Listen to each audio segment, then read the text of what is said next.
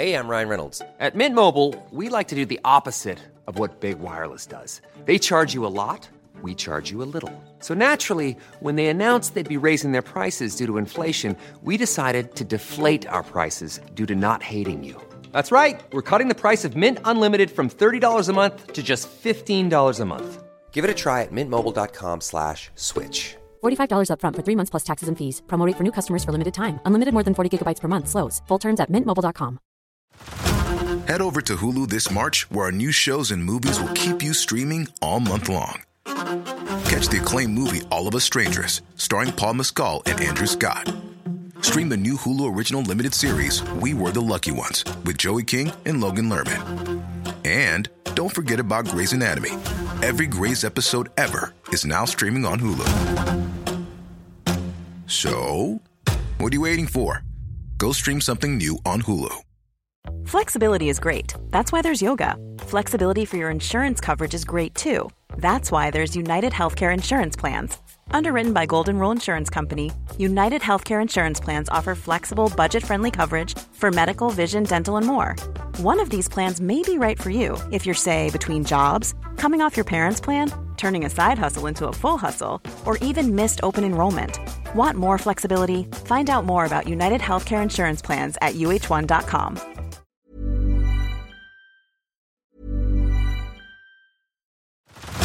Head over to Hulu this March, where our new shows and movies will keep you streaming all month long. Catch the acclaimed movie All of Us Strangers, starring Paul Mescal and Andrew Scott. Stream the new Hulu original limited series We Were the Lucky Ones with Joey King and Logan Lerman. And don't forget about Grey's Anatomy. Every Grey's episode ever is now streaming on Hulu. So, what are you waiting for? Go stream something new on Hulu. Ryan Reynolds here from Mint Mobile. With the price of just about everything going up during inflation, we thought we'd bring our prices down. So to help us, we brought in a reverse auctioneer, which is apparently a thing. Mint Mobile unlimited premium wireless. Have to get 30, 30, bit to get 30, bit to get 20, 20, 20, bit to get 20, 20, bit to get 15, 15, 15, 15 just 15 bucks a month. So, Give it a try at mintmobile.com slash switch. $45 upfront for three months plus taxes and fees. Promo for new customers for limited time. Unlimited more than 40 gigabytes per month. Slows. Full terms at mintmobile.com.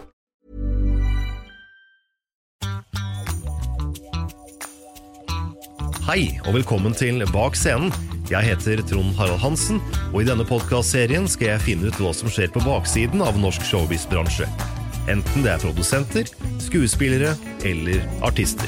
Og i dagens episode får jeg besøk av han som i 1981 slo gjennom med låta Dra til helvete. Siden har vi sett han på TV, vi har sett han på scene, hørt han på radio, og han har gitt ut en rekke plater.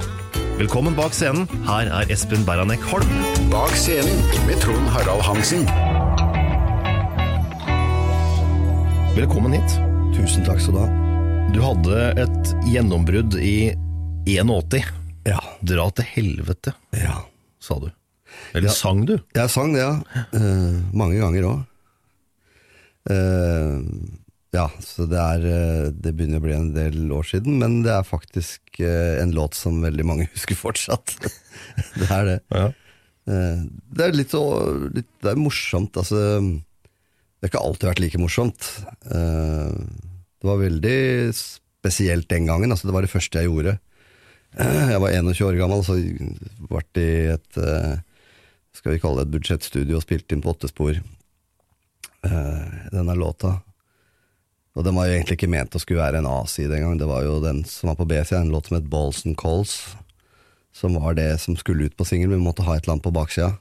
Og så syns eh, disse gutta i det nystartede Det var tre kompiser som hadde startet uh, plateselskap, som de kalte seg for Mind Expanding Records. Men eh, min kontakt der, Rune, han syns at den der eh, Dra til helvete som jeg hadde på teip hjemme, den var så fin, så den legger vi på andre sida. Det stemte, liksom.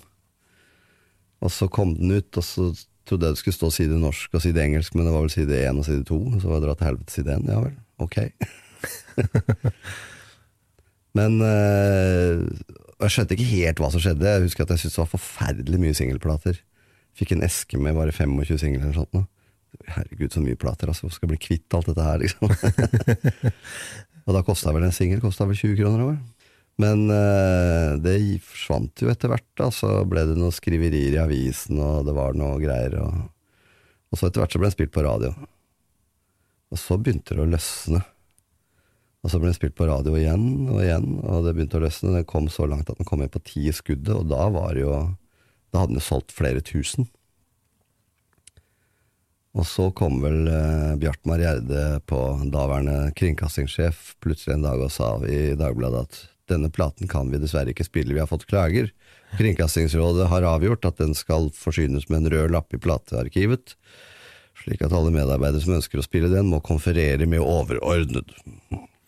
Jeg skulle til å si at eh, det var vel ganske sterkt for NRK da tilbake i 81? Ja, det var jo kanskje sterk kost. Det var vel spesielt da ordbruken som falt eh, enkelte lyttere tungt for brystet, og når de da sa fra til NRK med skriftlig klage, så måtte de ta det opp i Kringkastingsrådet. Og så fant rådet da ut at de syntes at det var litt sterkt, da. Så, men det, det mange har trodd, da, og mange som har blitt fortalt historien som jeg syns er viktig å korrigere, det er det at det, den ble en hit fordi den ble forbudt. Det er veldig feil. Den var en kjempesvær hit som ble forbudt. Da ble den enda større. For det fantes jo mange plater på den tida, andre enn Dra til helvete, som også ble forbudt. Men eh, det er ikke så mange av dem vi husker nå, fordi noen av dem solgte bare en, noen få hundre eksemplarer. Så da var de liksom ikke så til stede i bevisstheten hos folk. Men det var jo det som var med Dra til helvete, den var så utrolig til stede i det øyeblikket NRK som eneste kringkastingskanal sa nei. Så da ble det et ramaskrik. Så da var det jo veldig mye å skrive om, så det ble enda mer presse og publisitet. Og, og publikum trykket den enda mer til sitt bryst, så vi bare spadde ut singelplater. Det endelige opplaget, hva er det det Nei, det var oppunder 20 000 enheter som ble solgt, altså, så det var jo helt formidabelt, virkelig. Um, og det var moro liksom så lenge det sto på og sånt, men, eh, og det var jo særlig da sommeren og høsten 81 da. Eh, men så ga jeg ut en, en, eh, et album, en LP-plate, i samme året, som het Sound of Danger, som på en måte var det jeg egentlig hadde tenkt jeg skulle gi ut, som var veldig elektronisk, eh, minimalistisk popmusikk. Um, og det var veldig annerledes enn Dra til helvete. Ligna kanskje litt mer på den der Balls and Coles-låta. Så den solgte lite. Den solgte veldig lite, solgte et par tusen enheter eller noe sånt. Eh, men uh, Og da kjente jeg jo at det der Dra til helvete-greiene sto veldig i veien for alt jeg ville gjøre. For det, uansett hva jeg prøvde på, hva jeg ville snakke om, så var det den folk kom med hele tiden. Eh, og i flere år så var det sånn at jeg, jeg spilte ikke den ute eller noen ting, for jeg syntes det bare var Det ble bare sånn oppheng. Og det rett og slett sto i veien for ting, altså. Men uh, det er jo en, eh, en morsom historie akkurat om Sound of Danger, for den er jo toppaktuell as we speak. Fordi, eh, som sagt, den gjorde veldig lite av seg, da, Sound of Danger, albumet som kom etter Dra til helvete, i 1981. Eh, det var nok eh, ja, sånn musikalsk uttrykksmessig så var kanskje den plata en litt sånn ensom svale. Det var ikke så mange andre som låt akkurat sånn da. Eh, Men den fant veien ut av landet. Sikkert noen som tok den med seg når de flytta eller var på ferie eller et eller annet. Så jeg har liksom fått rapporter fra særlig Benelux. Der eh, har han vært mye versere på sånne lister for eh, klassisk minimalistisk elektronika. Da, må du, da må du høre på Sound of Danger hvis du skal virkelig ha med det hardcore-greiene. Så det har vært veldig stas å tenke på det. da. Men her for tre-fire år siden så fikk jeg en mail fra en, uh, en amerikaner borte i San Francisco som driver et bitte lite plateselskap. Som har spesialisert seg på å gi ut på vinyl repertoar fra sånn 70- og 80-tallet, kanskje 90-tallet, med stort sett elektronisk musikk, og musikk som er out of print, som ikke er å oppdrive lenger. Og han gir bare ut vinyl.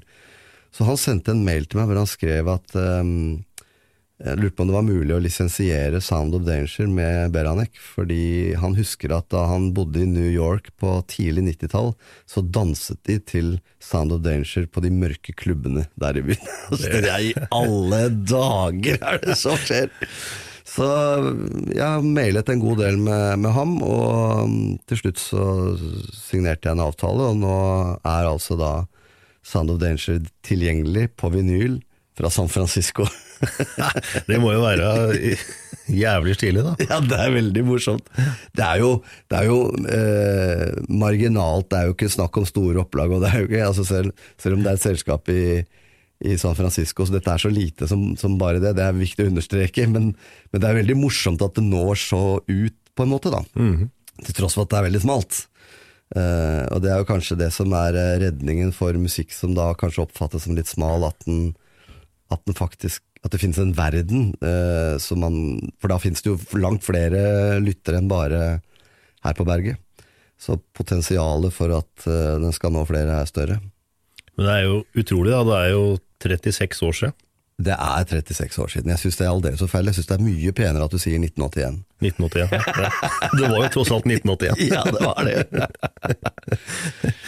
Her så blir det også LP-er i både 83 og 84 også. Ja, det gjorde det, fordi at um, jeg uh, syslet jo mer med musikk. Jeg hadde jo absolutt ikke noen intensjon om å gi meg med det, selv om Sound of Danger var en eh, kommersiell eh, nedtur.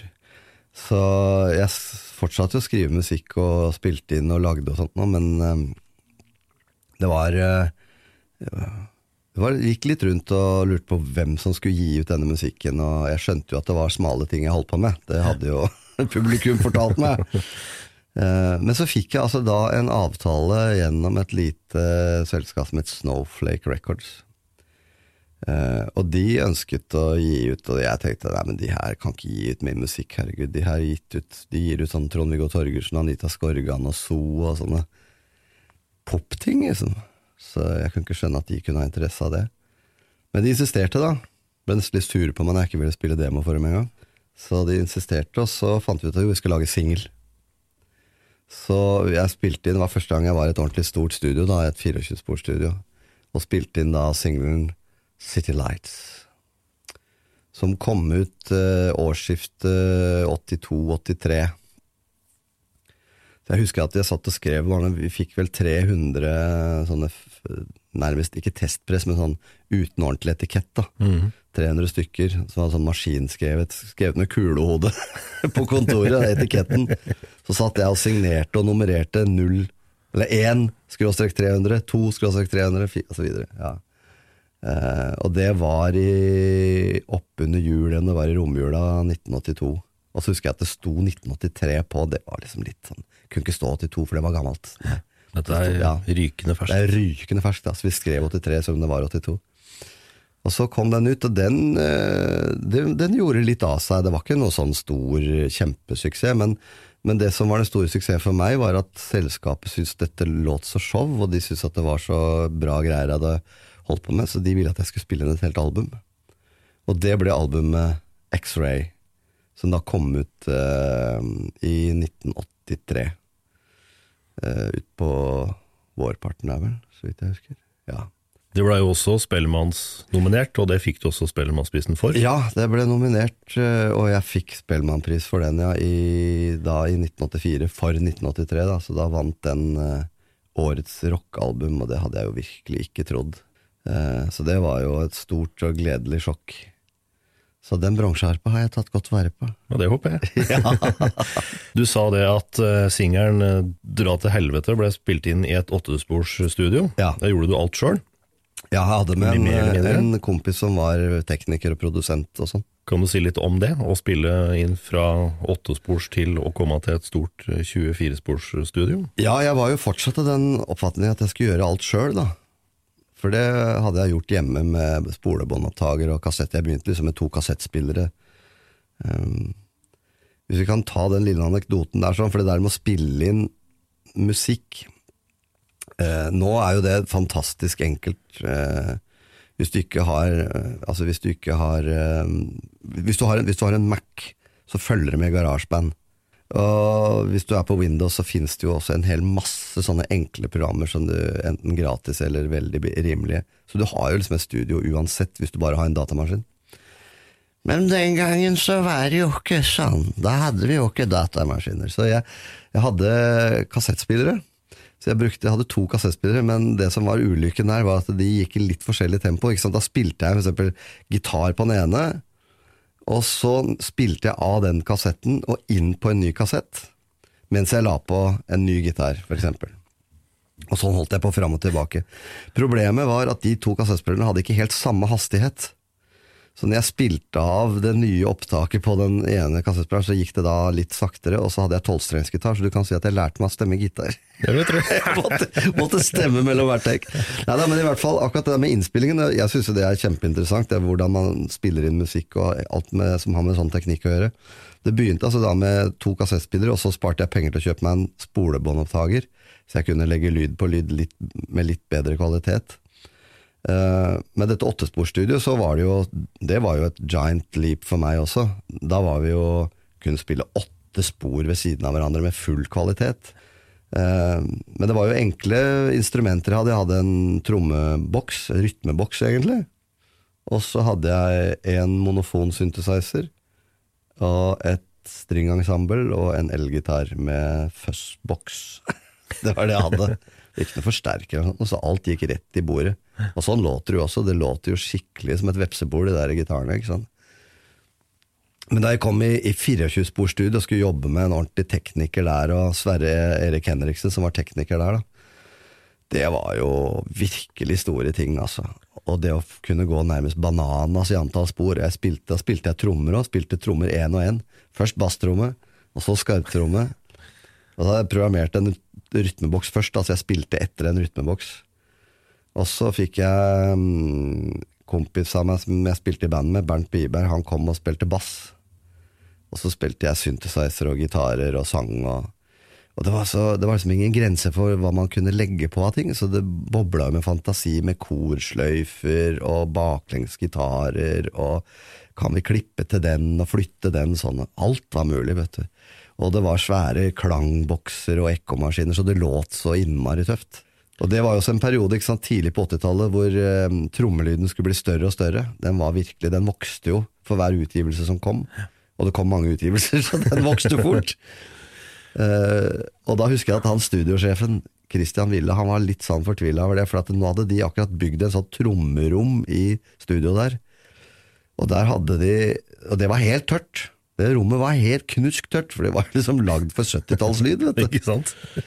Og med en sånn skinne på mikrofonen på basstrommet, så du kunne liksom velge hva slags type lyd du skulle ha i basstrommet. Du kunne flytte den mikken fram og tilbake. Han var veldig stolt av det greiene der. Og det jeg gjorde, det var å flytte trommene ut i studio. Og når vi skulle spille skarptromme, så tror jeg til og med vi satte noen mikrofoner ute på toalettet, for da var det litt mer sånn rør, og det var litt mer klang der ute. Og vi mikka opp langt unna for å få mest mulig rom på det. Han bare rista på huet og gikk forbi. Altså. Det skulle, ja, det skulle være svært, altså. Det var Skanak Studio, Ikke? det var? Skanak Studio nede i St. Olavs gate, ja. Det var jo legendarisk, det. Ja, det var veldig, veldig mange, Mange album som er spilt inn der. Veldig mye som er spilt inn i kjellerlokalene der, altså. Eh, og der sto det også et um, Bøsendorfer flygel, eh, som jeg syns var helt utrolig flott lyd i. Og det er jo også alle spilt inn på, Anita Skorgan og Dolly og alle disse her, som spilte inn den gangen. Um, og det fikk jeg lov å boltre meg på. Bare satt, satte på en trommaskin og satt der og spilte noe greier jeg hadde klunka på det sure pianoet hjemme, liksom. Det ble, det ble låt på grammofonplate! Ja. Ja, det var utrolig moro. Um, det studioet der, de flytta vel eh, bort til der hvor gamle New York-studio lå, borte ved, eh, på Grünerløkka, rett over vis-à-vis Blå, der hvor Blå ligger i dag. Ja. Eh, og så ble det vel Studio 1 eller Oslo Lyd, så jeg husker ikke hva de het til slutt. Men, men jeg var der på 90-tallet, da, så da veldig mange år etter at jeg hadde vært i Scandax og sånn og jobba. Så var jeg innom da der borte, og så så jeg det sto et Bøsendorfer-flygel der. Og så bare slo jeg en akkord. Det var akkurat som å komme hjem, for det var det gamle flygelet fra kjelleren i St. Olavs gate. Stilig. Det var utrolig kult, da. Men det var jo ganske godt nedspilt, da. Det var det. Ja, det vil jeg tro. Ja, det Men det da å spille inn på 24 spor på den tida, da snakker vi teip. ja da snakker vi teip. Totoms teip. Det å klippe og lime og redigere det der, Ja, åssen går det til? det, vi klippa ikke så ofte i 24-sporsteipen, det gjorde vi ikke. Eh, Jeg tror ikke vi gjorde det noen gang. det, det var mulig å gjøre det, men det gjorde man jo helst ikke, da. Men eh, jeg klippa mye i eh, kvarttomteip, altså vanlig sånn tospors masterteip. Det klippa jeg mye i, og det gjorde jeg også hjemme. Så når jeg lagde ting så, og, og klippa og limte, fordi det var måten å gjøre det på. Du hadde en, eh, en fin intro, og så hadde du et bra mellomspill, og så ja, du klippa sammen, altså. Uh, så det var en ganske møysommelig prosess når de, disse her eh, på midten av 80-tallet, når disse dubmixene kom og samplerne ikke var helt opp og gikk ennå. Så var det mye klipp og lim, ja. Det vil jeg tro. Ja, det var det. Men det var, det var morsomt, da. Så det er det eneste jeg har spart på de gamle greiene fra den tiden. Er jeg har en sånn liten redigeringsskinne, en hvit blyant og et barberblad. Det, er liksom, det, det har jeg fortsatt spart på som sånne relikvier fra, fra 80-tallet. 70-80-tallet. Men det er, jo, det er jo om mulig enda mer håndverk enn det det er i dag, da, hvor liksom alle Ja. kan Ja, gjøre det. det er alle, det, altså. alle kunne jo det da, men det tok tok litt mer tid å Det lære. tok, tok litt mer tid å lære, og det var, eh, måtte være kreative. Det var i enkelte steder altså, Hvis du gjorde et klipp og du hørte klippet, så var jo klippet meningsløst. Og da måtte du skjøte sammen igjen det gamle. Prøve å klippe på nytt, så du kunne jo få noen sånne millimeter. Eh, og det å prøve å klippe på Det var veldig lett å klippe på harde konsonanter. P og T og D og sånt noe. Men å klippe på en S, det lærte jeg fort at S-en begynner ikke på eneren. Stopp! Da er det T-en som er eneren. Med da for eksempel å legge på vokal, da. ja. Også eller, i dag så er det jo at det er mange opptak. Antar at også det var vanlig da. Ja da, vi, vi gjorde det, og vi hadde jo innhopp og Det var jo det som var stort med å ha en tekniker som satt der. Da, vi, han noterte seg jo Men vi hadde jo ikke så mange spor å, å gjøre det på, så det var jo det ene sporet vi hoppa inn og ut på. Så jeg er liksom vokalsporet da Måtte prøve å få lappa det sammen best mulig, men da var det ikke så mye klipp. Da var det mer det at jeg sto i studio og sang om igjen og om igjen, og om igjen, og så hoppa vi inn Der var den fin. Nei, den, vi, den må vi ta om igjen, og så, sånn holdt vi på bortover. Men eh, det var ikke sånn at alle låter ble sånn lappeteppe, men noen ble litt mer lappeteppe enn andre, da, som var vriene å gjøre, selvfølgelig. Og så var det ofte det, ikke sant, at det var det var kanskje kult å gjøre versene i ett take, og så var det et annet take for alle refrengene, for da var det et, en annen modus. Ja. Man blir eh, kraftig lurt, da.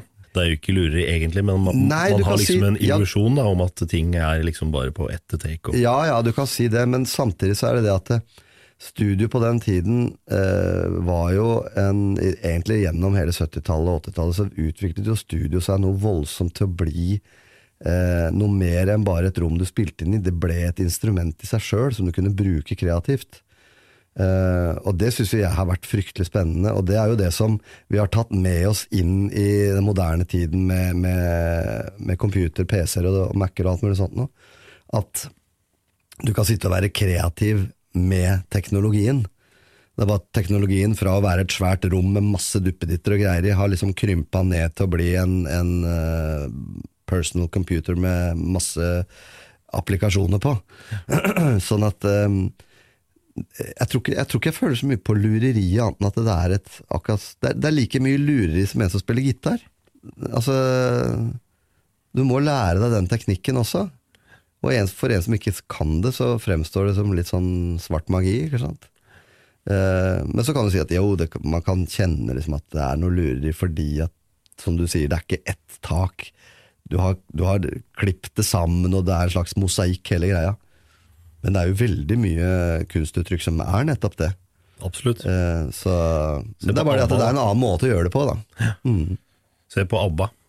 Ja. Mange, mange lag er det ikke der. Ja, hvor mange lag er det ikke? Det er mange. Men samtidig så kan du si at det, det som er bra med det igjen, er jo at de, de som da finner ut at de ønsker å gjøre en helt sånn eh, helt levende innspilling, som er en tagning, da blir jo det et uttrykk for seg sjøl. så kan du si at eh, det er mer verdt eller mindre verdt, det vet jeg ikke, men det er i hvert fall et annet uttrykk, og det vil gi Kanskje det gir det samme resultatet, kanskje det gir et annet resultat, men det er en, det er en annen tilnærming, da. Etter Spellemann i 1984 Ja. så må du lage en oppfølger. Ja, jeg lagde Holdt da på Det begynte jeg med allerede sommeren 83. Da jobba jeg På den tiden så jobba jeg eh, en god del på Chateau Neuf som tekniker i regi. Jeg måtte jo ha noe å tjene penger på. Så musikken var ikke nok å tjene penger på. Selv om man hadde ok suksess. Vi var rundt og spilte og sånt, men uh, ble ikke feit av det. Så jeg jobbet en god del i regi, og der jobbet jeg også blant annet mye med en kar som heter Pål Søvik, som uh, spilte blant annet spilte trommer. Han har spilt trommer i ulike band på 70-tallet. Villblomst, Vulgaris, sånne band. Og vi hadde mye kontakt, og god kontakt. Både sånn på jobb der og, og utenom. Og så sa jeg til ham at jeg har noen ideer og noen låter og sånn, og kanskje vi kunne prøve å spille inn noe eh, på sommeren, når det var tomt og ledig i, eh, i storsalen der. Så vi, vi, brukte den kontrollen, hov, hovedkontrollen liksom, i storsalen, brukte det som studio bare, i sommerferien. Eh, satte opp noen opptaker, og jeg hadde vel med åttesporspilleren min, tror jeg. Og så hadde han trommer, og så hadde jeg synter og gitarer, og så spilte vi en demoer på en uh, fire-fem låter eller sånt av det som skulle bli til uh, Trigger. Så dette var sommeren 83. Så jobba jeg videre med de tingene da uh, på egen hånd. Og så spilte jeg det inn i Scanax.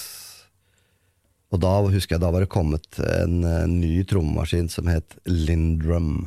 Det var noe helt mytiske greier, altså. Det låt som trommer, men du kunne programmere det.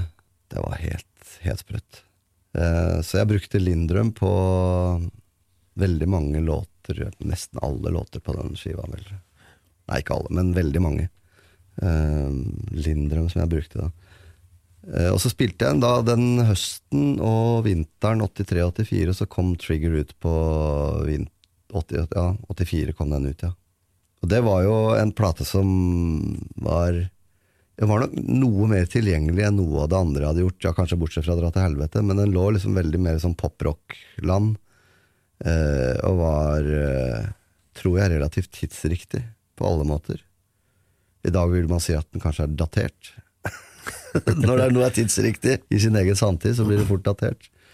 Men eh, det tror jeg kanskje er mer soundet enn låt låtene. Låtene er jo Låtene er låtene, liksom. De jeg tror ikke, jeg tror, Sånn sett så tror jeg ikke musikk fort blir så veldig datert. Altså det er Poprock er jo visesang med elektriske instrumenter. ikke sant? Det er intro, vers, refreng. Og det er visse akkordprogresjoner som går igjen og sånt noe. Men du hører på, om du hører på akkordprogresjoner i dag Hvis du stripper ned hele lyd, altså det innpakningen, og hører bare på spiller en låt på kassegitar som er lagd i dag, som er lagd i fjor, for 10 år siden, 20, 30, 40, 50 år siden. Forskjellen er ikke stor. Er, eh, jeg tror ikke du kan naile hvem som er fra hvilken tidsepoke. Likheter hele veien? Ja, det er likheter hele veien. Så jeg tror det er først og fremst det er innpakningen og formen, kanskje fraseringen her og der, som er litt sånn tidstypisk. da. Men eh, vi traff en veldig god planke med, med Trigger, så da var det mye radiospilling, mye turnering, mye oppmerksomhet ja, veldig mye av alt, egentlig. Så det var vel kanskje et sånt nærmest et toppår for, uh, for det jeg drev med. Ja. Hvordan var uh, platebransjen akkurat da? Nei, Platebransjen var jo Det er vanskelig å si. Det er vel sikkert mange svar på hvordan platebransjen var da, men det var jo i hvert fall um, Det var før CD-plata kom. Så det var vinylsalg det gjaldt. Og kassett. Veldig mye kassett på bensinstasjoner. Altså det CD-salg på bensinstasjoner var da kassett, egentlig. For alle hadde kassettspiller i bilen. Så jeg tror kassettsalget var viktig. Det tror jeg. Det var jo et veldig enkelt eh, medium å ha med seg. ja, det var det. Men jeg var veldig glad for eh, vinylplata. Jeg, både det store coveret, alle opplysningene som stod der. Alltid, liksom, jeg vokste opp med det. Eh, og syns alltid sånne sånne billigutgaver var noe, var noe dårlige greier, for det sto det jo aldri noe. Det eneste som sto på coveret, var stereo. Og så sto det liksom hvilke låter det var, men det sto jo nesten ikke hvem som hadde lagd det. I hvert fall ikke hvem som sang og hvem som spilte. Sånn type sånn Top of the Pops og sånne cover til. Det sto jo ingenting. Nei. Og nå i ettertid har jeg fått vite at det var Elton John som sang på nesten alle sammen. Å oh ja, var det? det var det, ja. Ja, han sang på mange av dem. Det var en del av de større De engelske artister som blei større etter hvert, da, som var sånne sessionmusikere som sang inn disse her covergreiene på Top of the Pops. Ja, Vi hadde jo noe lignende her. eh, da, med treff, Treffserien Ja, og disse her. Ja, absolutt. Inger-Lise Rypdal og Jahn Teigen, blant annet. Ja, Stein Ingebrigtsen var ja på det. Gro Anita Schjønn og Dag Spantell, ikke Mm. minst. Så, men eh, Nei, det var jo Det var på en måte Hva skal man si om den platebransjen da? Det var en levende bransje, det var vitalt. Det var Jeg tror det var ganske grei omsetning. Folk eh, solgte Det ble solgt en god del plater.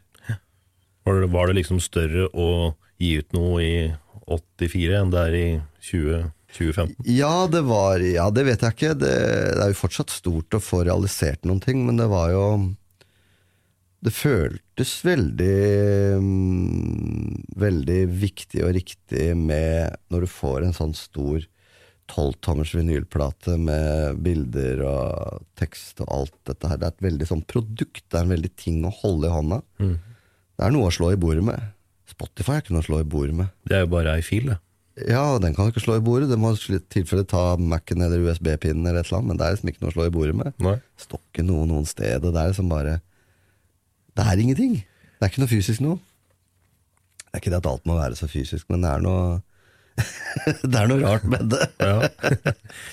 Primavera var jo flinke der. Om, omtrent alle LP-ene de har utgitt, så er det sånn hvor du, kan, øh, hvor du kan slå ut, og så er det fullt av øh, bilder, og innerposen kunne du Ja. klippe ut de forskjellige tingene. Ja. Det var liksom ikke måte på. Ja, nei, det er jo selvfølgelig veldig stas med utbredt cover og, og bilder og tekster på inneposen og alt dette her. Det er jo, det er jo sånn det skal være.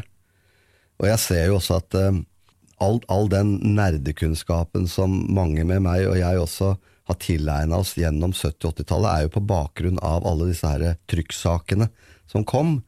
Og hvor mange timer jeg har brukt på å studere utgrunnelig kunstverkene til Roger Dean og, og Hypgnosis, disse, kunst, altså disse coverartistene. ikke sant? Og så mye inspirasjon det har gitt, og nå er det jo altså Et cover, det er bare en eller annen JPEG-fil som er på frimerkestørrelse, ikke sant? Og prøver å finne ut hvem som gjør hva, så får du ikke greie på det. Nei. Det står ingen steder. Det står knapt nok hvem som har skrevet låta.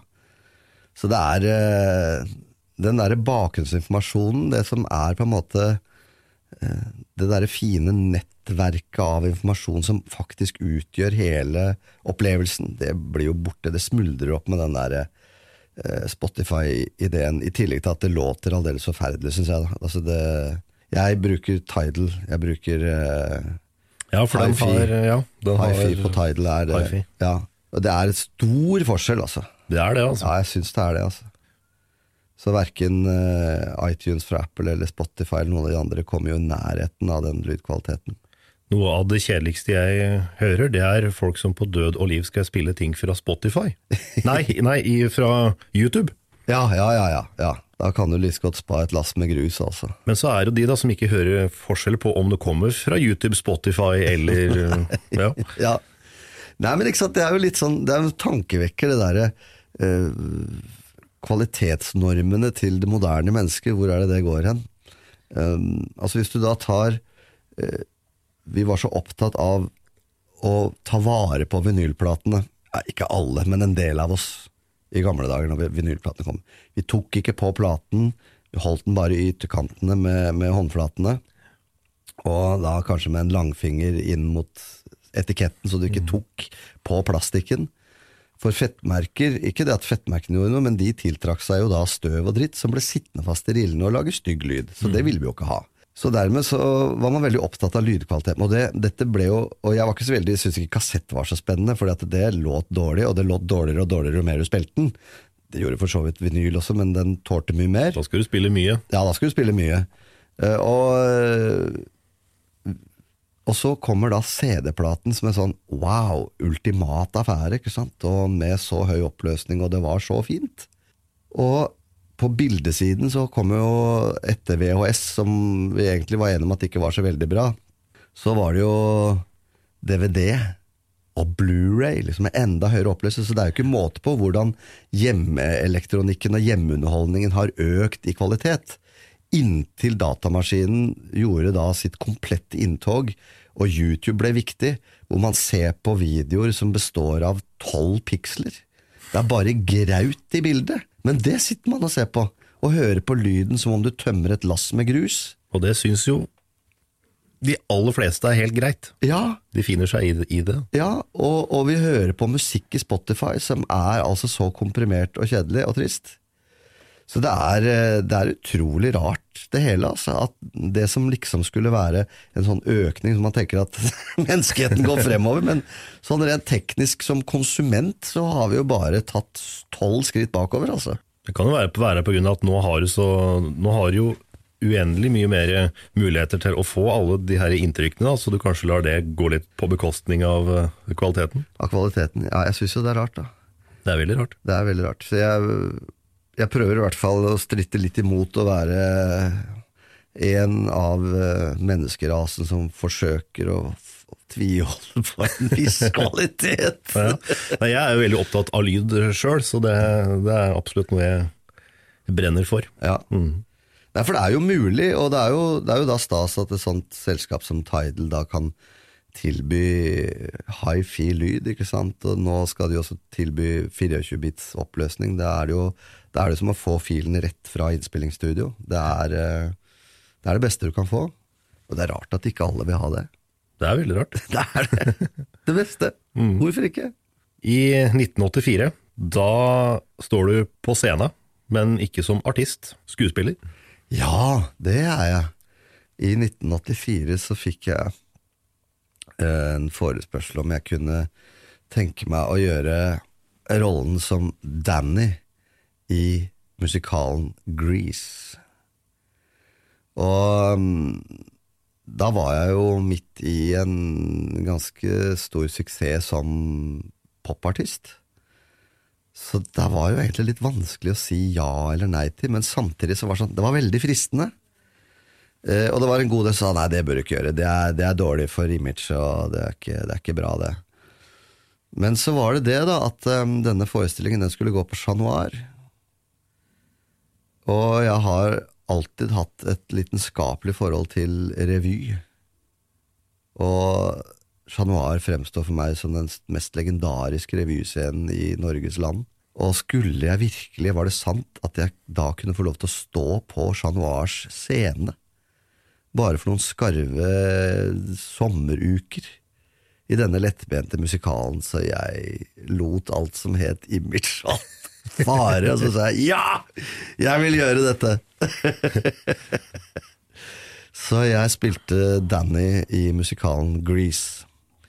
Uh, først da med, mot um, Linn Stokke, som spilte Sandy. Og etter hvert på turné så var det Annelise Jøstøl som spilte Sandy. Og så var det et fantastisk flott ensemble, og fullt orkester. Og, ja. Så det var jo en eh, fullbefaren musikal, men det var jo, det var jo lettbent sommerunderholdning, da, og jeg fikk jo pepper. Jeg husker at det var noen skriverier, og jeg måtte forsvare meg i noen debatter nede i, i noen lokalaviser rundt omkring, og folk syntes at dette ikke holdt, dette gikk ikke an, dette var høl i Matrixen, altså. Men, eh, men jeg gjorde det, valgte å stå i det, for jeg synes at det var Og det var en veldig god erfaring, altså, absolutt. Eh, Jeg skal ikke si at jeg var noe hverken eh, god skuespiller eller noen stor danser, og det har jeg aldri vært, men eh, vi hadde en god amerikansk regissør som var flink til å skjule utilstrekkeligheter. Og så sang jeg vel ikke så aller verst, og det var jo tross alt en musikal, så det funka. Ja, det gjorde det. Og jeg lærte masse, og fikk mange gode venner. Og skal man egentlig bry seg så mye om hva alle andre mener? Nei, sånn sett så skal man jo kanskje ikke det, altså. Og det er jo litt sånn Det er skummelt, det, hvis eh, Hvis hensynet til hva andre tror om deg, skal stikke kjepper i hjul for noe du egentlig har lyst til å gjøre. Det blir jo det, Jeg hører selv at den setningen er jo helt meningsløs. Det går, kan ikke holde på sånn. Nei. Så man må på en måte bestemme seg for at nei, dette vil jeg gjøre. Altså Gjøre opp regnskapet for seg sjøl. Eh, og tenke at dette vil jeg gjøre, da gjør jeg det.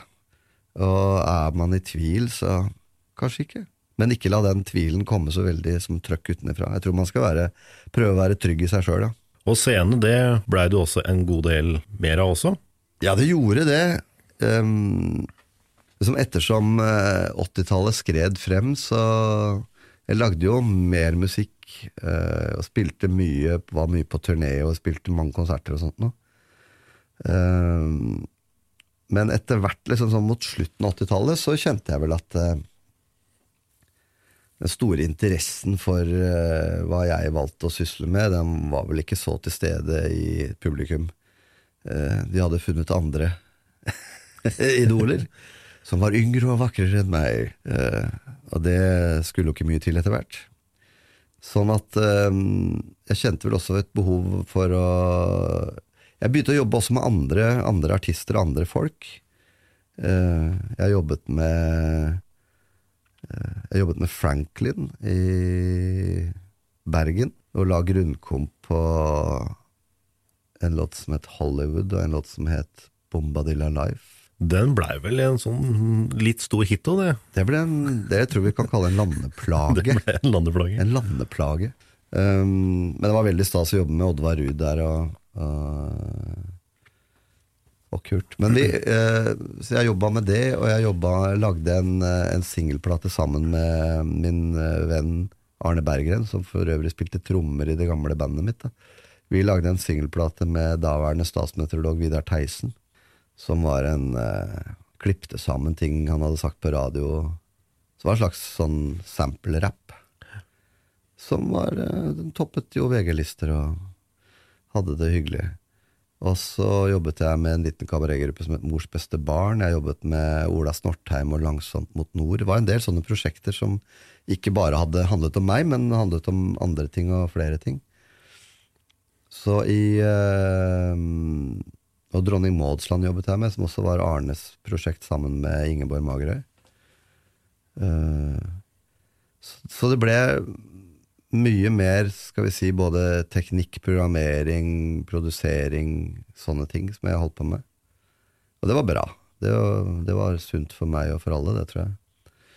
Um, og så i 90 Jo, i 90 så begynte jeg å lage musikk for Hallo i uken. Det var gjennom, eh, det var gjennom Morten Lorentzen, som da var um, uh, skrivende kraft i Mors beste barn.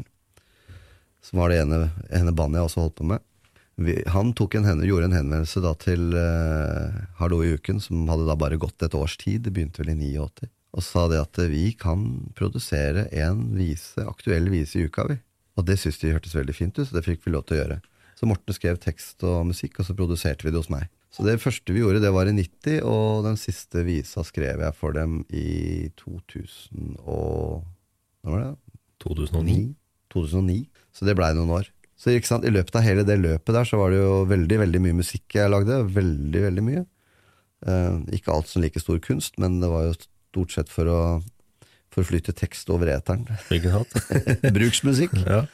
Hallo i uken har jo holdt på lenge. Mm. Ja, da siden jeg 89. Ja, holdt på siden 89, og jeg fikk være med siden 90, da. Så det ble jo litt for mange år, vil kanskje enkelte si.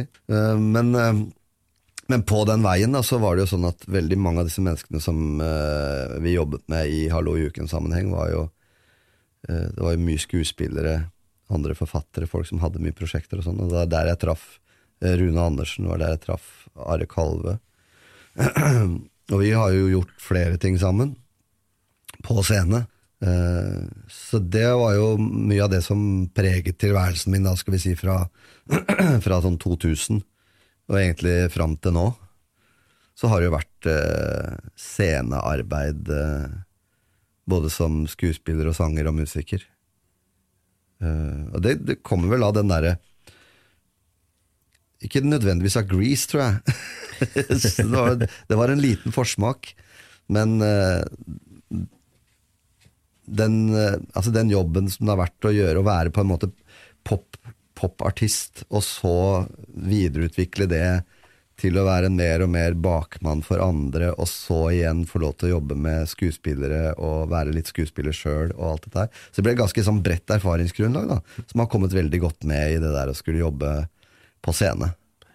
Og så er det jo fantastisk morsomt å jobbe på scene. Det er jo, det er jo helt uovertruffent å få direkte sensur av en hel gjeng med folk som sitter der og sier 'dette var gøy, dette var ikke gøy'. Ja, det er jo det øyeblikket som oppstår der og da. da. Ja, det øyeblikket er helt unikt, og det er forskjellig fra kveld til kveld. Selv om det kanskje er veldig mye av den samme tekstmassen eller den samme musikken man fremfører, så er eh, stemningen i publikum er, kan være vidt forskjellig fra en torsdag til en fredag til en lørdag. Og det er eh, ja, Det er så gull å få oppleve. Og mm, det, det er så energigivende og alt mulig. Nei, jeg elsker å stå på scenen, rett og slett. I hvert fall når jeg får det til. Ja. Jeg har jo stilt det spørsmålet her til flere, du kan få det du òg. Hva slags forhold har du til publikum? Noen elsker dem, noen er redd dem. Ja, jeg Men da har på en- en positiv måte. Ja, jeg elsker publikum, um, men med en viss ærefrykt. Jeg tror det er det rette ordet, fordi det er relativt Altså, et publikum er jo en relativt brutal materie.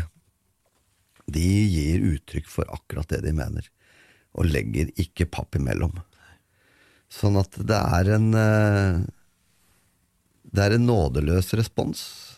Men heldigvis har jeg opplevd den nådeløse responsen som ufattelig positiv i absolutt største del av min tilværelse på scenen foran et publikum. Jeg har uh, vært med på å bli buet på scenen. Uh, og til tross for at det var en, uh, for så vidt en del av gamet, så er det en ganske kjip opplevelse. Det var en sånn improvisasjonslek vi gjorde på Latter her i Oslo. Man skulle improvisere fram nummer, vitser, gøyale ting. Så fikk man oppgave fra publikum, og så skulle vi frem og løse dette. Og hvis du løste det, så lo jo folk og klappa og jubla, og da skulle de rope 'yeah', ikke sant? Han er en komiker. Eh, og hvis de ikke syntes det var så gøy, så skulle de da bue og si han er ikke en komiker. Så det var jo en sånn eh, konferansier der som da er han komiker, er han ikke komiker. Så det ble jo på en måte litt framprovosert, men det der å få 500 mennesker som sier 'buuu', det er, det er en veldig spesiell opplevelse som jeg helst ikke vil ha en gang til. Det blir jo en slags vegg med lyd, vil jeg tro. Det gjør det. Ja. Men det var jo selvfølgelig spøkefullt. Altså, jeg brøt ikke sammen av det. det man, man ser jo humoren i det, men det er, det er brutalt. Altså. og det er vel det man gjør at man får en viss ærefrykt for dette publikummet. man gjør det. Og det er jo mange ganger at jeg står særlig premierer og sånne ting, hvor jeg står liksom i prosenten og tenker hvorfor i himmelens navn gjør jeg dette? Jeg blir, for jeg blir veldig nervøs. For jeg, kan, jeg er kanskje nødvendigvis ikke så nervøs sånn samme dagen eller to timer før, men akkurat sånn fem minutter før jeg skal på, da er det helt vanvittig. Jeg tror ikke det syns, men det er bare det er eh, fullt opprør og kribler i maven og jeg vet ikke hva jeg skal gjøre av meg. Og, nei, jeg tror jeg må gå og legge meg, jeg er veldig trøtt nå. nå. ja, det, er, det alt sånt, ikke sant. Det er veldig sånn masete. Um, og er, da, da lurer jeg på hvorfor gjør jeg dette. Det vært mye bedre å satt en helt sånn streit jobb som ikke kaver meg opp på denne måten her hver gang? Jeg var jo publikum på noe du gjorde for en måned siden, og før vi gikk i opptak, så var jo du der blant publikum, og satt egentlig og bare så på publikum og så helt avslappa ut. Hvordan var, hvordan var egentlig følelsene innvendig da? Nei, det var nok et, det var et indre opprør. det var det. Nei, altså det det, kom, det bobler nok ikke ut akkurat det der, der, de nervene, men de er veldig til stede. Og det, jeg tror at Jeg tror det er viktig òg, da. For, for at jeg skal yte. For hvis jeg slapper av, hvis jeg, hvis jeg skulle være like avslappet som jeg kanskje da fremstår som, så tror jeg hele forestillingen ville blitt veldig slapp. Men det at uh, at jeg prøver, jeg prøver nok å gi inntrykk av å ha en ro fordi at jeg vil, jeg vil ha kontroll, men, men jeg kjemper noe veldig innvendig for å få den kontrollen. Da. Eh, Men når vi først er i gang, når, når kameraet går, og når teksten er der, og når vi liksom er i gang, så kjenner jeg en glede. En utrolig glede som jeg tror utløses av den nervøsiteten koblet med at nå, jo, jeg kjenner at nå har jeg kontroll. Og det er en utrolig glede. Og når jeg da kjenner at jeg har publikum med, at de responderer eh, på, en, på en god måte, da er verden et godt sted å være, altså. I 2006 så gjør du et show sammen med Marit Voldsæter. Det gjør jeg. Der har du en parodi på Bjørn Eidsvåg, blant annet. Ja, det stemmer. Det var um, Vi spilte um, Altså Marit Voldsæter, som da inntil 2006 kanskje var mest kjent for allmuen som en av Kvinner på randen. Hun skulle da gjøre sitt aller første soloshow, og jeg ble spurt da året før eller vel så det om jeg kunne tenke meg å være med på det. Og det ville jeg veldig gjerne. Jeg har Stor sans for Marit Voldsæter har jeg alltid hatt. Eh, hun er en komedienne av format. Og utrolig musikalsk, og synger fantastisk. Hun har en nydelig stemme. Så ja. Ja, ja, jeg vil veldig gjerne jobbe med henne. Og det gjorde vi. Um, Erik Ulfsby, som hadde regi på hennes første forestilling. Og det spilte vi i Bergen høsten 2006. Uh, og i Bergen så hadde vi et nummer som var et sånt farvel til kvinner på randen. Så fant vi ut, og det var et veldig fint nummer, det, men det var på en måte veldig bergensk. Det veldig, lå veldig i kortene at det var uh, for bergenspublikummet. Så mm, når vi kom sånn ut i november og desember, så var det klart at vi måtte det, det, nummeret skulle skrotes når vi skulle til Oslo, og når vi skulle ut på turné for resten av landet. Eh, og da trengte vi et nytt nummer inn der. Og da sa jeg til Erik Husby at jeg har veldig lyst til å lage en parodi på eh, duettene, alle disse endeløse duettene til Bjørn Eidsvåg. Det har vært skrevet veldig mye om det, og sånt, men, men det er liksom ikke noe Ja ja, og så skrives det litt, og så blir det stille. Og så kommer han med en ny. Ikke sant? og, så, og så skrives det litt, så blir det stille, og så kommer han med en til. Kan vi ikke bare ta det en gang for alle? Fra scenen? Det må jo være gøy. Jo, så vi gjorde det. Så ble det skrevet eh, et nummer, vi reviderte et par ganger og sånn. Og så gjorde vi det eh, på to forestillinger i Bergen for å prøve det ut, da. Og det var eh, ganske spennende, fordi at jeg skjønte jo også at det nummeret var ganske krast, på en måte. I hvert fall, Og jeg vet jo at Bjørn Eidsvåg har utrolig mange tilhengere, og det er veldig mange som syns med god grunn at det han gjør, er veldig fint. Um, så jeg vil på en måte ikke underkjenne Bjørn Eidsvåg som Bjørn Eidsvåg heller, men, men, samtidig så var det veldig fristende å ta den ordentlig ut i svingen, en parodi. Uh, og Marit var veldig med på notene, så, så ble, vi syntes det ble et morsomt nummer. Og det er klart at Hvis det nummeret hadde blitt oppfattet som total grusing av Bjørn Eidsvåg og alt så tror jeg ikke det hadde vunnet noe gjenklang i publikum heller. Men øh, det var vel øh, Det var en veldig god respons i salen første gang vi gjorde det, og andre gang vi gjorde det. Og etter første gangen så husker jeg også at øh, komikerkollega Dagfinn Lyngbø var i salen. Han kom bak i garderoben, så snakket vi sammen om bla, bla, bla. alt mulig, Så sier han jo, og det derre Eidsvåg-nummeret det, det var hva han sa for noe. Han sa det har ikke jeg tenkt på, men det er jo helt sant. Og det var akkurat det. Og da har du på en måte truffet en sånn planke, at du klarer å treffe noe som ingen har tenkt på, men som allikevel fremstår som helt sant. Det er helt det selvfølgelig er sånn, det er helt opplagt, men det har ikke jeg tenkt på. Uh, og det var nok det som jeg tror hele salen opplevde. Det har jeg ikke tenkt på. Men det er jo helt sant. Og dermed så traff vi planken. For det er klart, som sagt, hvis publikum ikke hadde digga det, så hadde, bare, så, hadde mått, så hadde, vi måttet finne på noe annet, rett og slett. Så det ble på en måte en, en hit i den forestillingen. Eh, sammen med et annet musikalsk nummer som vi hadde med hele veien, som eh, var en parodi på Gitarkameratene. De nye Gitarkameratene, som ikke var Gitarkameratene, men som var eh, Holm Fuentes Eh, Linn og Nilsen? Og Linn og Nilsen, ja. ja. Som var en sånn halleluja-greie. Så det var et par musikalske morobiter i den forestillingen der, pluss en del annet ting, selvfølgelig. Men de to tingene fikk jo ganske stor oppmerksomhet, da. Vi gjorde jo Halleluja på TV et par ganger, og vi var også gjorde Flommen, het den vel. Den der Eidsvoll-parodien. Tror jeg vi gjorde på et eller annet sånt NRK-sendt program også.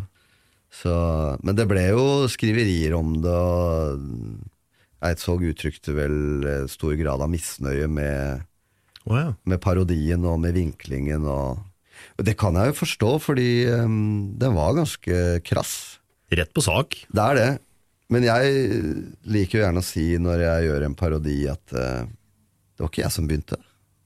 Hadde ikke han begynt, så hadde jeg ikke hatt noe å gjøre. Hadde jeg ikke ikke hatt en parodi. Så. Men uh, Nei da, men, så, men det, det var uh, Det var stor stas å gjøre det. Jeg tror det hendte ved et par anledninger i løpet av de to årene vi spilte den forestillingen, at uh, folk reiste seg og gikk ut av salen på det nummeret. Det tror jeg skjedde to ganger. Det må jo være ganske sterkt for de som faktisk reiser seg og går. Ja, Da er du ja det er en tydelig protest. Ja. ja, jeg vet ikke, kanskje de skulle bare på do, men det var helt tilfeldig. tilfeldig. Akkurat der. Ja.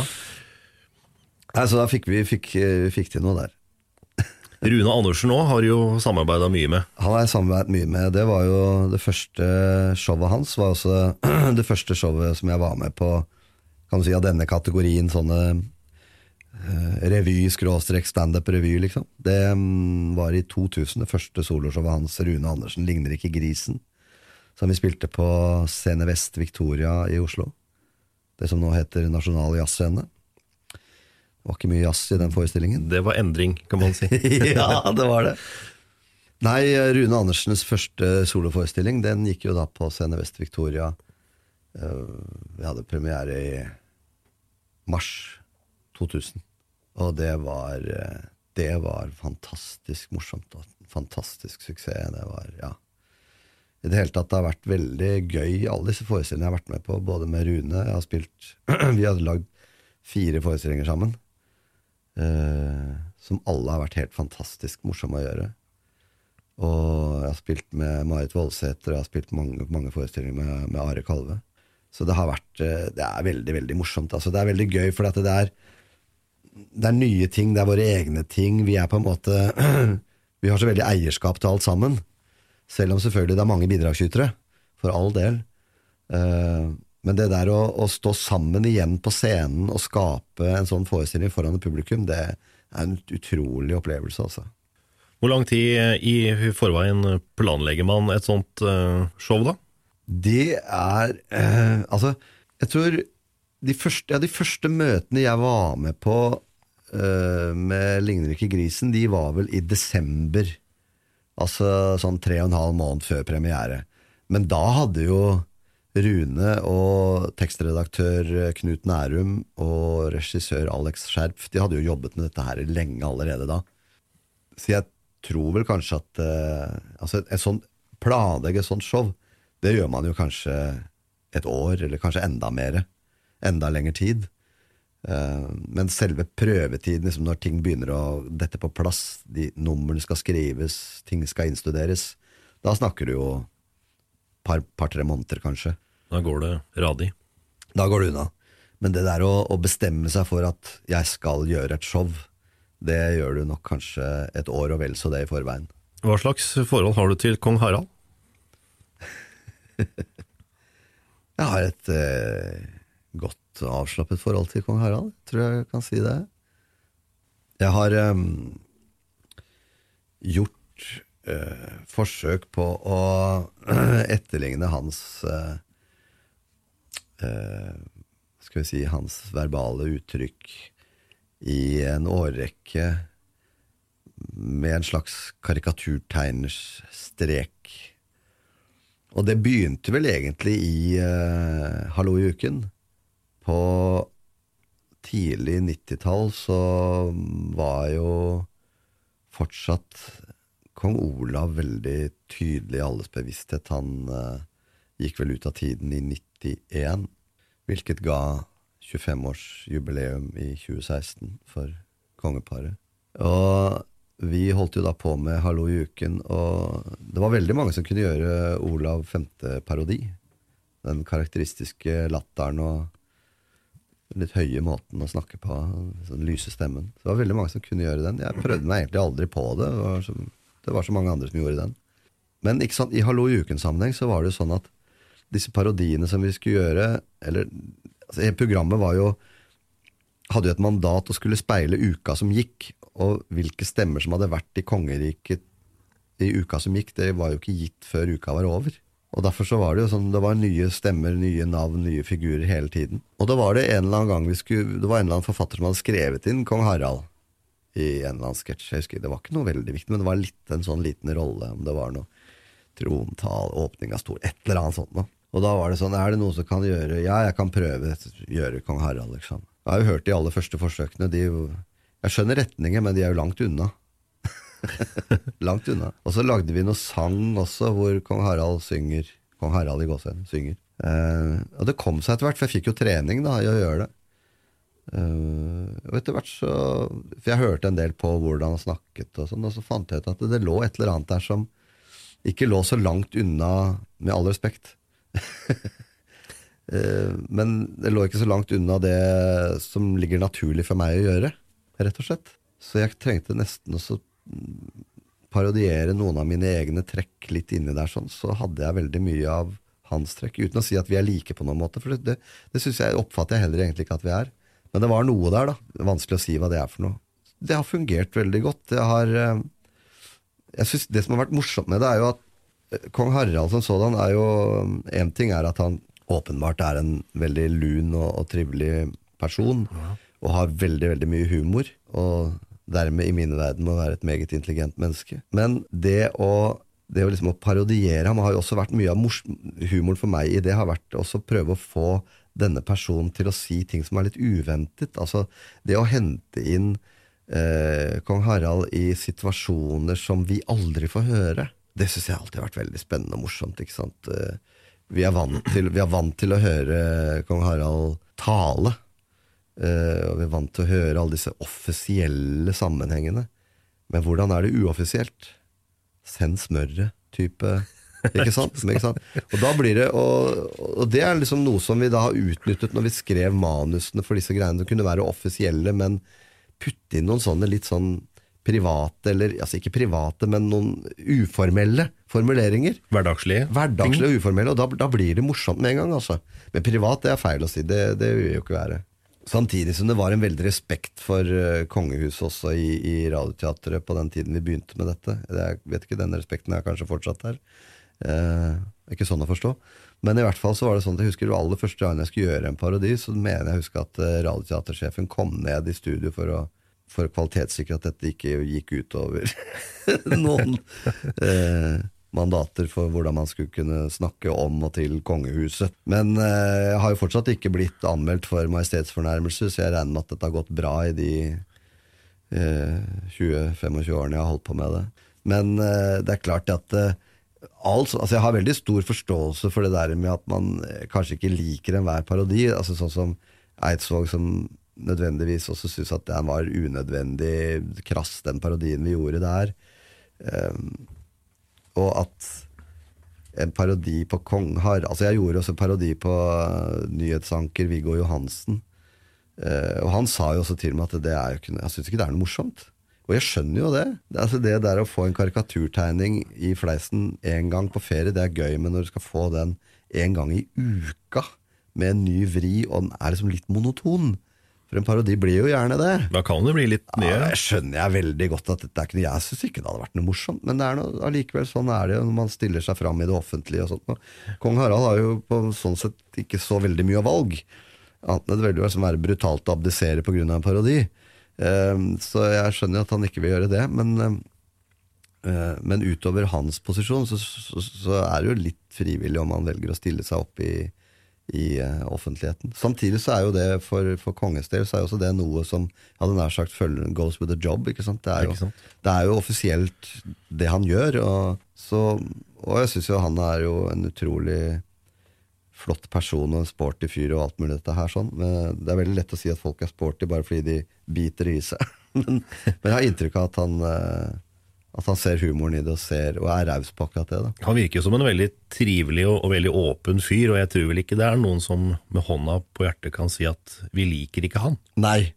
Og det var vel, eh, jeg tror, i forbindelse med en biografi om kong Harald som Aftenpostens Per Egil Hegge førte i penn så ble mm, Hegge intervjuet i Dagsrevyen. Da kom de annet inn på dette med kongeparodier. Og da spurte intervjueren hva syns kongen om uh, Han har jo blitt parodiert en rekke ganger, og hva syns kongen om å bli parodiert? Og da svarte Per Egil Hegge svært diplomatisk noe i retning av Kong Harald setter stor pris på en god parodi når han hører den. Og da får man heller tenke at ja, hva er en god parodi? Og hvem er det som har den gode ideen? I, skal vi se, I 2016 så er du med å gjøre eh, live radioteater. Ja, det var stas, altså. Det var fryktelig stas. Det var um, Lyden av Tandberg. Lyden av Tandberg. Uh, et, en spennende historie, et spennende stykke på alle måter. Dette var jo da et samarbeid mellom Musikkfestuke Nordland i Bodø, Kringkastingsorkesteret og Radioteatret. Og eh, Lyden av Tandberg er da radio, en radioteaterproduksjon, en musikalsk radioteaterproduksjon, ført i penn av regissør eh, Mathias Kalmeier. Og eh, vi var da en eh, en håndfull eh, skuespillere og sangere som skulle da foredra denne teksten i levende live i Stormen kulturhus under Musikkfestuka med et ganske bra komp fra Kringkastingsorkesteret. Så av utrolig stas og spennende å få lov å være med på. Og det må jeg også si, av, også av helt personlige årsaker, så er jo eh, Det, det er jo, var jo veldig naturlig um, for NRK å gjøre en sånn produksjon, fordi Tandbergs, Vebjørn Tandbergs historie er jo kulturhistorien til NRK. Den går jo, den går jo, de går veldig hånd i hånd. De gjør jo det. Og tilfeldighetene vil jo ha det til at jeg er født i 1960, sånn at eh, den kulturhistorien har jeg vært med på hele veien, som tilskuer og forbruker. Og, og radiolytter. Og Tandberg har jo alltid vært viktig. Det har stått høyt i kurs og vært en stor del av uh, min oppvekst og tilværelse. Så det var veldig veldig stas å få lov til å være med og fortelle den historien. altså. Eh, både før krigen og under krigen og etter krigen. Og mange ting som jeg ikke var så klar over. Han hadde jo en eh, forferdelig skjebne. Ja, han hadde jo det. Men han var jo en, en spesiell mann. Nokså kompromissløs. Samtidig som han hadde en utrolig omtanke og en utrolig filosofi som fungerte jo i veldig, veldig, veldig mange år. Men hans filosofi, når den møter den moderne verden, så går det jo ikke. Da går det rett vest, altså. Dessverre. Men han lagde utrolig flotte produkter. Og han lagde produkter som jeg, jeg gikk med avisen dag ut og dag inn for å spare penger til å kjøpe Tandberg båndopptaker og Tandberg kassettspiller og Tandberg forsterker og Tandberg radio. Det var liksom. Hadde jo ikke råd til toppmodellene. Hadde aldri råd til toppmodellene, men eh, med en gang jeg hadde råd til fasetthøyttalere, så kjøpte jeg det. Jeg har jo hørt et eller annet sted at i stua til Louis Armstrong, der sto det også Tandbergs spolebåndopptaker. Ja. Og det var jo sånn at uh, Tandberg er jo for uh, den engelskspråklige verden, i det hele tatt internasjonalt, så er jo Tandberg uh, et synonym for kvalitetsbåndopptaker. Og, og mange som trodde at det var Tandberg som fant opp båndopptakerne, rett og slett. Fordi de var så store på det, og de var så, det var så bra kvalitet. Så, og de solgte jo til, sant, til BBC og til CIA brukte jo Tandberg-utstyr. Så akkurat som eh, varemerket Termos er ensbetydende med flaske som holder på varmen, eller eh, Hoover er ensbetydende med støvsuger, så var altså Tandberg ensbetydende med båndopptaker i engelskspråklige land. Han var jo også veldig opptatt av lyd og at eh, det skulle låte bra. Ja, det skulle låte bra, og det skulle være for alle. Det skulle holde lenge også. Ja, kvalitet og, og estetikk. Det er jo flotte produkter de har laget, altså, virkelig. Hadde jo også hus med undervannshøyttalere nedfelt i svømmebassenget. ja, Jeg husker ikke hvor han hadde hus, men det var vel oppe i tror ja, Kjelsås. Ja. Kjelsås, ja. Ja. Nei, det var jo, altså Den bygde jo et, en representasjonsbolig der som var helt rå. Eh, som var inspirert av eh, de eh, altså amerikanske, californiske eh, eneboliger. Han hadde vært der borte og, og sett på den nye televisjonen og video, som var den nye teknikken som kom. Og ble så inspirert at så dette her, denne representasjonsboligen var jo virkelig en lyksig affære. Men han sjøl bodde jo i den i en bitte liten sånn sokkelleilighet. Ja, så han var jo ikke, var ikke noe selvisk over det i det hele tatt. Var ikke så stor på det. Nei. Men nå er det 2017. Hva er det du gjør for noe nå? I 2017 så er det ganske mye som uh, står på programmet. Jeg skal eh, først nå Jeg jobber med Tore Ryen i et uh, prosjekt som vi har kalt for Wake Up Norway. Hvor jeg sitter i TV-ruta og forteller allmuen om viktige ting i uh, kongeriket Norge og den store verden. Uh, Det er, mange, det er mange nyheter som på en måte går under radaren eller blir borte. Så vi mener at vi må løfte fram. Eh, Og det er mye vondt i verden, det er det, mye fælt i verden, men vi mener at det fins håp. Det fins håp for å, eh, for, for å rydde opp i alt dette her sånn. Og det er klimakrisen, det er, det er forferdelige greier, og hvordan skal det gå med jorda? Men vi har jo grønn energi, og da må vi gjøre noe med det. Vi må bygge ut solceller. Hvordan gjør de dette i andre land? Der er det kommet veldig langt. For vi hører liksom bare om at dette er så vanskelig, vi får det ikke til i Norge osv. Men det er håp, altså. Vi, det er veldig veldig mange temaer vi tar opp. Det er alt fra, fra grønn energi til overvåking og sikkerhetskontroll og søppelkjøring her i Oslo og alt mulig sånt. Men eh, jeg tror det blir morsomt med al alvor med et glimt i øyet. Det, det er liksom det håpet vårt å gjøre, da.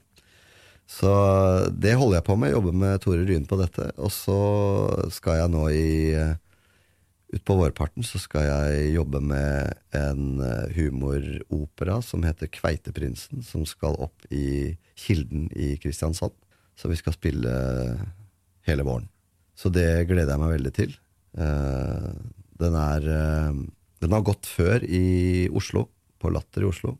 2007, 2005, 2005 2000, ja, noe sånt. Ført i penn av nylig avdøde Åsleik Engmark Oh, ja. Og Askild Hagen. eh, og med musikk av Jon Rørmark. Uh, og Åsleik skulle jo ha regi, så dette er jo, en, det er jo et jordskjelv. Uh, men vi vil veldig gjerne få forestillingen opp og gå. Det er en fantastisk fin forestilling. Veldig morsom. Det handler om fiskeoppdrett. Og det er en fiskeoppdrettsmusikal, en fiskefarse. Eh, og bunnlinjen der er vel det at man ikke skal tukle med genene. Man skal ikke krysse menneske og fisk. Det må man ikke gjøre. Det kan bli stygt. Det kan bli veldig, veldig stygt. Men jeg tror det blir morsomt og bra. Og vi skal da som sagt jobbe i Kilden i, i Kristiansand. Så det er liksom første, første spastikk. Og så blir det en del andre ting utover høsten. Så boka er full fram til jul. Det her var veldig hyggelig. Tusen takk for besøket. Tusen takk for at jeg fikk komme. Det var min prat med Espen. Bak scenen er ferdig for denne gang. Takk for at du har hørt på. Det setter jeg stor pris på. Jeg heter Trond Harald Hansen.